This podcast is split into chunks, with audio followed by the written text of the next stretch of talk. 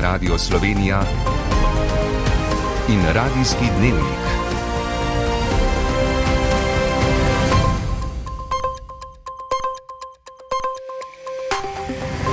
Ura je 18 in 30 minut.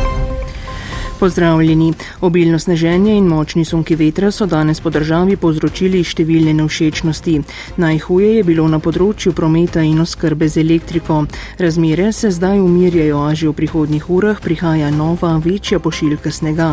Kje? Vremenoslovec Blašter lahko pričakujemo predvsem na Koroškem, na širšem območju Pohorja in tudi recimo v Zgornji Savski dolini do 30, morda tudi 40 cm novega snega.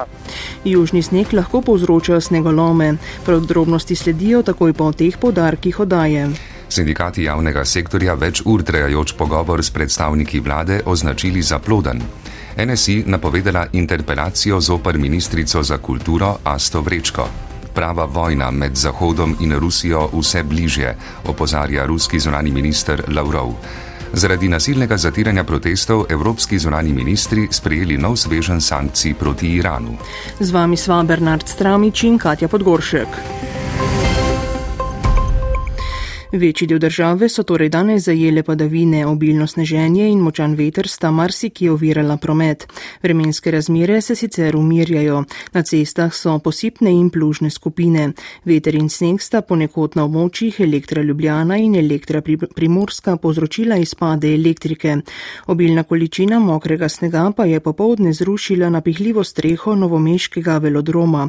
V dogodku se ni nišče poškodoval, je za televizijo Slovenija povedal skrbnik objekta Mitja Valentinc. Ni bilo nikomor nič, eh, prav tako so bili tukaj na objektu, so bili gasilci. Če bi uspeli iz vrha, iz te ravne strehe izčrpati vodo, eh, vendar govorimo le o 26 metrih višine in je ta postopek sploh v teh pogojih zelo otežen. Po noči je snik napovedan predvsem na severu države, vremenoslovec Blašter. Tako da lahko pričakujemo predvsem na Koroškem na širšem območju Pohorja, tudi recimo v Zgornji Savski dolini, tam nekje od 15 pa tudi do 30, morda tudi 40 cm novega snega. Ta južen sneg pa lahko povzroča potem tudi kakšne snegolome. Na to nas um, morda nekoliko skrbi tudi, uh, kako bo po noči in um, jutri zjutraj. V večjem delu gora pa je velika nevarnost proženja snežnih plazov. Agencija za okolje je za visokogorje razglasila nevarnost snežnih plazov četrte stopnje. Ob številnih zahtevah po višjih plačah ter napovedanih stavk in shodov je vlada sindikatom javnega sektorja danes predstavila analizo podatkov o plačah, dodatkih in zaposlovanju v minulih letih. Na mizo pa niso dobili izhodi za prenovo plačnega sistema. Nekaj podrobnosti sestanka pozna Katja Arhar. Izplen današnjega sestanka, ki ne bi bil odprt za javnost, je skromen, a sta tako sindikalna kot vladna stran pozdravili konstruktiven pogovor. Po nesporazumu in zaprtju sejne sobe za javnost je sledilo nekaj ur predstavitve analize tako stanja javnih financ kot stanja plač, dodatkov in zaposlovanja v javnem sektorju v zadnjih letih. Državni sekretar na Ministrstvu za javno upravo Urban Kodrič. Ta analiza je pokazala, da v plačnem sistemu obstajajo nesorazmerja, da ni več to, kar bi naj bil eh, in da je nujno potreben prenove. Sindikalist Jako Počivalšek meni, da bo analiza, ko bo dopolnjena sindikalnimi pripombami, dobra podlaga za začetek pogajanj o novem plačnem sistemu. Sindikati bi ta pogajanja vodili usporedno z odpravo plačnih nesorazmeri, ki so krivec za nedavne zahteve več sindikatov po višjih plačah in napovedi stavk in shodov. Jih je vlada danes prepričala? Seveda bodo te aktivnosti odvisne od tega, kako konkretna in kako spremljiva bodo izhodišča, ki jih bo prinesla vlada. Izhodišč za prenovo plačnega sistema pa vlada še ni sprejela in tudi ne predstavila sindikatom. Ti si, po besedah sindikalista Branimirja Štruklja, želijo da se ga upelje izključno v soglasju z večino zaposlenih v javnem sektorju in da tudi nov plačni sistem temelji na kolektivnih pogodbah, ne pa na kakšnem drugem orodju, ki bi enostransko omogočalo oblikovanje plač delodajalcem oziroma financerju. Sindikati pričakujejo skorajšnji začetek pogajanj o novem plačnem sistemu, vladni rok za njihov konec pa je 30. juni. Koalicijski partneri Gibanje Svoboda, Socialni demokrati in Levica so podpisali zavezo o zdravstveni reformi. Pod dokument, ki vključuje prednostne spremembe in časovnico za izvedbo reforme, se je podpisalo vseh 53 poslancev koalicije. Ustavno sodišče je zavrnilo zahtevo za začasno zadržanje vladne novele zakona o dohodnini, ki jo je skupaj z zahtevo za oceno ustavnosti konec prejšnjega leta vložila skupina poslancev SDS in NSI. Je pa soglasno sklenilo, da bo zadevo obravnavalo absolutno prednostno. Koordinacija novinarskih sindikatov RTV Slovenija je preložila za jutri napovedano zaostritev stavkovnih dejavnosti. Vršilec dožnosti generalnega direktorja RTV Slovenija Andrej Grah Votmov je namreč pred zaostritvijo stavke pogajalski skupini stavkovnega odbora predlagal nadaljevanje pogajanj in nov stavkovni sporazum. Predsednica stavkovnega odbora Helena Milinkovič. Generalni direktor nas je seznanil s sebino predlaganega stokovnega sporazuma. Za nas je kar nekaj stvari seveda sporni, mi bomo to preučili in mu seveda odgovorili. Če v tednu dni ne bo napredka v pogajanjih, bodo zaostrili stavkovne dejavnosti. Člani programskega sveta RTV Slovenija so popovdne razpravljali o pobudi 12 svetnic in svetnikov o razrešitvi Andreja Graha Otmoja. Uložili so jo še pred uveljavitvijo sprememb zakona o RTV Slovenija. Ker je po uveljavitvi zakona funkcija generalnega direktorja ugasnila, Grah Otmov pa je postal vršilec dožnosti, je skupina svetnikov želela, da ga programski svet razreši in na položaj vršilca dožnosti imenuje Mirka Štularja, ki je zdaj vršilec dožnosti direktorja direktorja Radija Slovenija. Predsedujoči programskemu svetu zavoda Peter Gregorčič je odgovoril, da takšna poteza ni v skladu s pravili igre, tako da svetnice in svetniki o predlogu niso glasovali. Podrobneje Nataša Mulec. Da zdaj vršilec dožnosti pred uveljavitvijo sprememb zakona o RTV Slovenija pa generalni direktor Andrej Grah Vatmov s svojimi potezami še naprej škoduje zavodu, je na seji programskega sveta opozorila predstavnica sveta delavcev Ilinka Todorovski.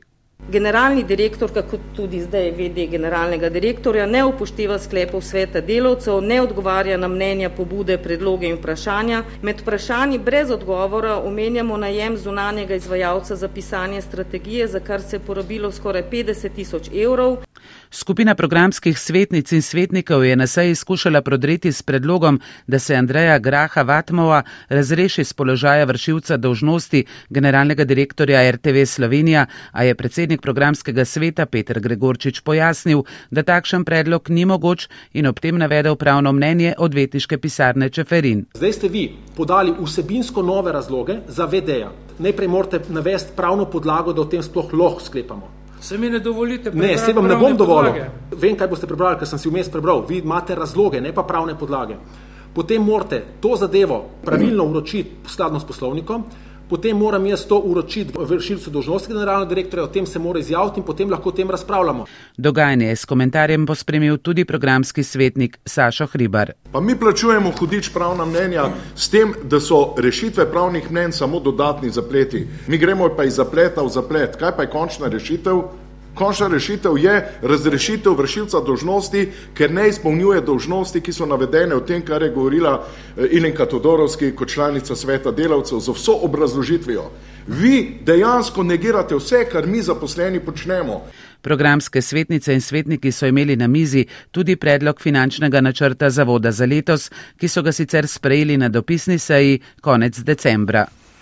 V stranki Nova Slovenija so po odločitvi vlade o združitvi Muzeja slovenske osamosvojitve in Muzeja novejše zgodovine Slovenije začeli pripravo interpelacije zoper ministrico za kulturo Asto Vrečko. Ocenjujejo, da je omenjena odločitev vlade korak v napačno smer. Poslanska skupina NSI pa osamosvojitev Slovenije razume kot temeljno dejanje naše državnosti, ki si v zgodovini ter zavesti naroda zasluži posebno mesto. Radijski dnevnik. Poljska bo nemško vlado zaprosila za dovoljenje za dobavo tankov Leopard 2 nemške proizvodnje v Ukrajini. Kot je še povedal polski premijer Mateusz Moravjecki, je njegova država pripravljena te tanke v Ukrajini poslati tudi brez dovoljenja Berlina. Špela Novak. Zaprosili bomo za nemško soglasje za izvoz tankov Leopard v Ukrajino, vendar je to drugotnega pomena, je dejal polski premijer Moravjecki. Tudi če tega soglasja ne bo, bomo oblikovali majhno koalicijo držav, ki bo napotila tanke v Ukrajino, je dodal. Nemška zunanja ministrica Anabela Berbok je včeraj dejala, da Berlin ne bo dal veta na izvoz nemških tankov iz Polske, vendar danes na vprašanje o tem ni želela odgovarjati. Dejala je le, da je treba na vsak način pomagati Ukrajini. V Varšavi pa včerajšnje besede nemške ministrice pozdravljajo, vendar bi radi slišali stališče nemškega kanclerja Olafa Šolca. Nemška vlada sicer po informacijah tiskovnega predstavnika takšne prošnje doslej še ni prijela. Po besedah latvijskega zunanjega ministra argument, da bi dobava nemških tankov v Ukrajini še zaostrila razmere, ne vzdrži. Rusija jih namreč ne glede na to še naprej zaostruje. V Estoniji podarjajo, da ima Nemčija kot motor Evrope še posebej veliko odgovornost do Ukrajine. V Luksemburgu pa, da lahko s to pomočjo Ukrajina v vojni zmaga. Evropski ministri so na današnjem zasedanju v Bruslju potrdili novo vojaško pomoč Ukrajini v vrednosti pol milijarde evrov. S tem se je strinjala tudi Mačarska, vendar izrazila nasprotovanje novim sankcijam proti Rusiji. Iz Norveške pa je prišla novica o policijskem pridržanju nekdanjega poveljnika ruske paravojaške organizacije Wagner, ki je prebežal to državo. A tako oblasti kot njegov odvetnik so zavrnili strahove pred njegovo deportacijo nazaj v Rusijo, saj naj bi bil razlog pridržanja pridržanja konflikt zaradi nestrinjanja s protokoli za njegovo varovanje. Ruski zunani minister Sergej Lavrov je na obisku v Južnji Afriki, kjer se je srečal svojo tamkajšnjo kolegico na Ledi Pandor. Ministra sta govorila o odnosih med državama in vojni v Ukrajini. Kot iz Moskve poroča vlasta jeseničnik, je Lavrov znova ostro kritiziral Zahod.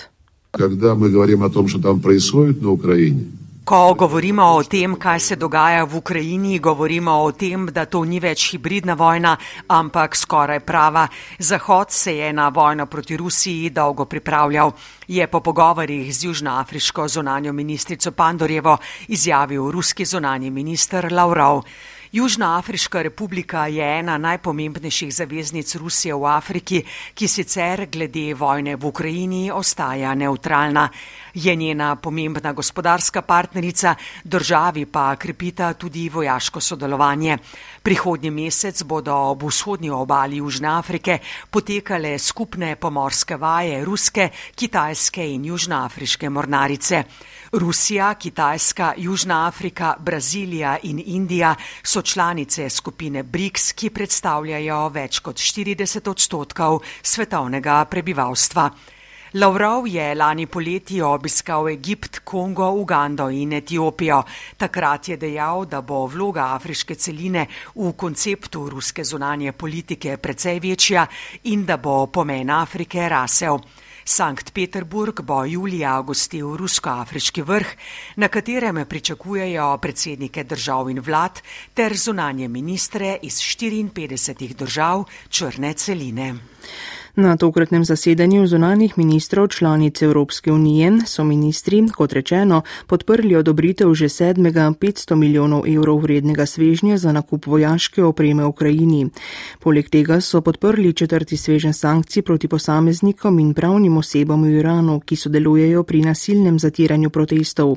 Slovenska ministrica Tanja Fajon pa se je ob robu zasedanja sešla tudi z italijanskim kolegom Antonijem Tajanjem, s katerim sta govorila o razmerah razmerah na meji in nezakonitih migracijah po vstopu Hrvaške v šengensko območje. Številke niso toliko alarmantne, da bi morali uvajati kakršne koli dodatne ukrepe. Dejstvo pa je, da naše policije, slovenska, italijanska, dobro sodelujejo, da če je potreba, bi se lahko tudi skupaj sestali in ministri Hrvaške, Slovenije in Italije in pogovarjali o tem, kako z morebitnimi skupnimi patruljami pomagati ali pri varovanju zunanje šengenske meje ali pri premagovanju ovir na zahodno-balkanski poti z prišleki. Pripadniki posebne enote kosovske policije so dopoledne na severu države streljali na vozilo, v katerem sta bila Srba. Eden je ranjen v prsni koš in so ga prepeljali na zdravljenje v bolnišnico v Kraljevu. Kot so še sporočili iz Srbskega urada za Kosovo, so na njo ravalno streljali zgolj zato, ker nista dopustila, da bi ju nadlegovali brez kakršnekoli podlage in razloga. Srbski predsednik Aleksandar Vučić bo čez dobro uro nagovoril državljane. Ljubljanski mestni svet se je sešel na izredni seji o zdravstvu. Pod zahtevo za sklic seje se je podpisalo 16 svetnikov, pripravili pa so 13 sklepov za izboljšanje dostopa do zdravstvenih storitev v Ljubljani. Eden od predlogov predvideva tudi razrešitev direktorice zdravstvenega doma Ljubljana Antonije Popla Susič. Več Peter Močnik. Predloge opozicije je predstavila Tina Breganti iz stranke SLS in sicer naj oddelek za zdravje in socialno varstvo pripravi ustrezne kratkoročne in dolgoročne ukrepe, mestnemu svetu redno poroča o svojem delu, predlagajo vzpostavitev informacijskega centra za pomoč neopredeljenim, izboljšanje informacijske infrastrukture ter digitalne pismenosti, kot tudi možnosti telemedicinskih rešitev. Pripravi naj se analiza razlogov za odhod zdravnikov iz ZD Ljubljana in začne postopke za zamenjavo vodstva zavoda. Dunja Piškurko Smač z liste Zorna Jankoviča je odgovorila, da sta Mol in ZD Ljubljana še pred prejetimi predlogi začela s postopki za uresničevanje aktivnosti. Vendar so veliko bolj obsežni in dorečeni kot podani v zahtevi za sklic izredne seje mestvenega sveta Mol. Dodala je še, da so nekateri od predlogov vezani na spremembo zakonodaje ali na spremembo postopkov veljavne medicinske doktrine. Glede zamenjave vodstva zdravstvenega doma Ljubljana pa, da je o tem svet zavoda že odločal in da so direktorico podprli. Dunja Labovič Begovič, svetniška skupina Gibanja Svoboda. Sklic izredne seje ter predloge sklepov vidimo kot legitimno potezo opozicije, menimo pa, da predloge opozicije v resnici ne dajo novih rešitev. Župan Zoran Jankovič pa. V teh vaših predlogih ni nobene rešitve. Rešitev je samo urejanje sistema na nivoju države in zagotavljam, da bo mestna občina Ljubljana izjemno kooperativna pri tem urejenem sistemu. Seja se je končala predčasno s proceduralnim predlogom sama Logarja iz Gibanja Svoboda, da razpravo v skladu s 106. členom zaključijo in se lotijo dela. Predlog je bil sprejet 24 glasovi za in 14 proti. Okrožno sodišče v Kranju je zavrnilo očkodninsko tožbo predsednika SDS in nekdanjega premijeja Janeza Janše proti nekdani tožilki in sodnikom v zadevi Patrija. Od njih je zahteval 900 tisoč evrov. Sodišče je razsodilo tudi, da mora toženim plačati njihove pravdne stroške. Janša, ki je v zapisu na družbenem omrežju Twitter sodnici očital, da je njegovo tožbo zavrnila brez izvajanja enega samega dokaza, ima za vložitev morebitne pritožbe en mesec časa. V zadevi Balkanski bojevnik so krivdo priznali tudi drugi obdolženci, potem ko je to pred dnevi storil prvo obtoženi Dragan Tošič. Tožilstvo za vse predlaga kazen v višini že prestanih kazni v zaporu oziroma priporu, izrek sodbe bo v četrtek. Vremenske razmere po državi so za zdaj mirne, a na poti je že nova večja pošiljka snega. Obilnejše padavine bodo po noči zajele predvsem sever države. Pristojni zaradi težkega južnega snega svarijo pred snegolomi. Zaradi debele snežne odeje je za visokogorje razglašena velika nevarnost snežnih plazov. Sledijo športne minute s klemnom vozlom. Želimo vam prijeten večer in nasvidenje.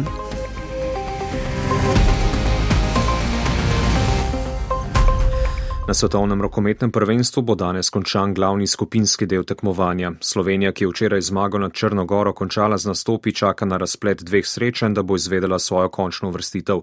Če bo Hrvaška premagala Bahrajn, bo slovenska izbrana vrsta najverjetneje končala na desetem mestu, odvisno tudi od rezultata dvoboja med Srbijo in Nizozemsko. Če bi slednji želeli prehiteti Slovenijo, bi potrebovali visoko zmago, Srbija za 14 golov razlike, Nizozemska pa še za dodatnih 8, torej 22. V prvih dveh tekmah dneva, v katerih sta se v skupinah 3 in 4 pomerili najslabši reprezentanci, so igralci Združenih držav Amerike 24 proti 22 premagali Belgijo, Argentina je bila 26 proti 22 boljša od Katarja. Glavni skupinski del svetovnega rokometnega prvenstva, ki ga gostita Švedska in Poljska, se bo končal z večernjima tekmama Egipt, Danska in Nemčija, Norveška. Košarkari Krke so četrti turnir letošnje druge Adranske lige začeli zmago. Na uvodni tekmi dogajanja v Banja Luki so bili prepričljivo boljši od zadnje vrščene Gorice, hrvaške tekmece so premagali 101 proti 74. V novomeški ekipi je bil z 18 točkami najboljši strelec dvoboja Rok Stipčevič, Krka je sedmimi zmagami in enim porazom na prvem mestu prihitela domžalski Helios, ki je sicer dobil vseh sedem tekem, jutri pa se bodo domžalčani pomerili sutjesko. Današnji večer ponuja tudi dve tekmi elitnega regionalnega tekmovanja v košarki. 16. krok bosta končala Mega in Zadar, ki se bosta merila v večernih urah. V Beogradu pa je v teku derbi kroga, v lovu na svojo deseto zaporedno zmago v Jadranski ligi, sta moštvi Crvene zvezde in Olimpije. Na posebni slovesnosti v Ljubljani je Slovenska judo zveza razglasila najboljša v obeh kategorijah v lanskem letu. Kot je običaj, smo tudi tokrat za oba najboljše izvedeli tik pred začetkom nove sezone. Pri ženskah je bila lani najboljša dobitnica bronaste medalje na Evropskem prvenstvu Anka Pogačnik, med moškimi pa je judoist leta sredozemski prvak Vito Dragič. Judo zveza je posebno priznanje podelila tudi svoje najuspešnejši tekmovalki doslej Tini Trstenjak, ki je na zadnji dan lanskega leta objavila, da je zaključila svojo tekmovalno pot. Za konec še novica z Olimpijskega festivala Evropske mladine, ki ga gosti Italija, z dvema prizoriščema pa ji pomagata tudi Slovenija in Avstrija. V planici, kjer potekajo tekme v smučarskih skokih, je na današnji posamični tekmi zmagala Nika Prevc, ki je poskrbela za prvo slovensko kolajno na tekmovanju. To je bil radijski dnevnik, urednica Urška Ivanovič, voditeljica Katja Podgoršek, napovedovalec Bernard Stramič, tonski mojster Matjaš Polak.